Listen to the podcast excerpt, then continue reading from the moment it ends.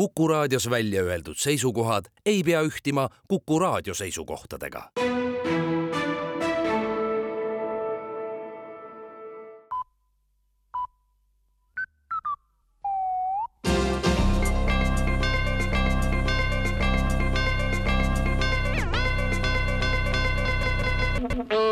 tere kuulama uudiseid stuudios Rohke Develak. Poliitika asjatundjad on ärevusega andnud teada, et parteide populaarsus reitingutes toimub midagi seni seletamatut. valitsuse juhtpartei Reformierakonna populaarsus on kahanemas tempos, mis ei võimalda erakonnal järgmisel valimisel enam ületada valimiskünnist teiste parlamendierakondade populaarsuse kasv on aga järjest kiirenev ja siin ongi murekoht, teatavad analüütikud kui kõik jätkub nii nagu seni, siis Riigikogu valimiste ajaks on olukord katastroofiline. Reformierakond ei ületa enam valimiskünnist ja teiste erakondade populaarsus on tõusnud nii kõrgele, et nad ei mahu enam valimisläve sisse ära nii on üks jõud liiga vähe populaarne, teised jälle liiga populaarsed, et Riigikokku saada. esimest korda võib järgmiste valimiste järel jääda Riigikogu valimiste järel üldse tühjaks ja sinna tehakse rehvi hotell kaitsepolitsei on aga alustanud ulatuslikku juurdlust, selgitamaks välja parlamendiliikmete kuluhüvitiste kasutamise täpseid tagamaid.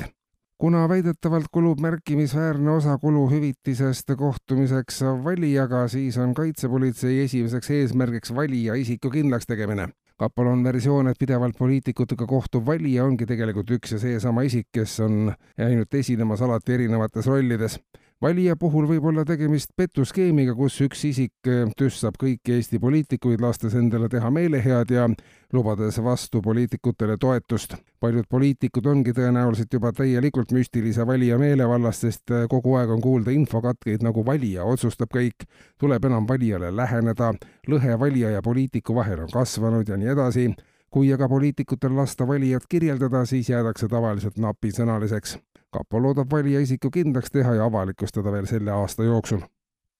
riigikogu juhatus aga annab teada, et Riigikogu liikmete kuluhüvitiste ja autoliisingu ja kütusekaartide kasutamise teemat peab tõenäoliselt hakkama arutama Riigikogu vanematekogu.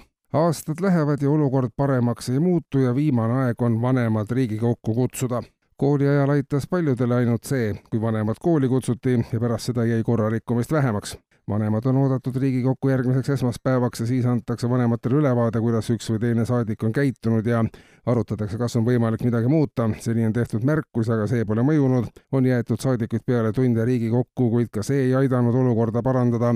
võib-olla on mõnel vaja esimesi triibulisi või ka teisi ja kolmandaid. samamoodi enam juhatuse sõnul jätkata ei saa ja vanematekogu peab midagi ette võtma ja ilmateenistus annab teada, et prognooside kohaselt jääb õhutemperatuur täna kahe külma ja ühe sooja kraadi vahele ja ei pääsegi sealt enam minema, mistõttu kuumeneb üle ja võib lõpuks ka põlema minna, kui olukord ei parane.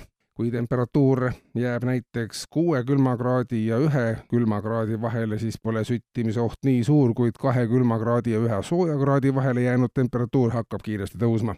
paisumise tõttu külmakraadide vahe veelgi väheneb ja temperatuur ei saa enam sealt kätte, kuni käes on kataklüsm esimest korda ajaloos võib Eesti seega jääda temperatuurist ilma ja ilmateadlased pole veel üksmeelel selleski, kas Eesti hakkabki nüüd olema ilmast ilma ilmast ilma.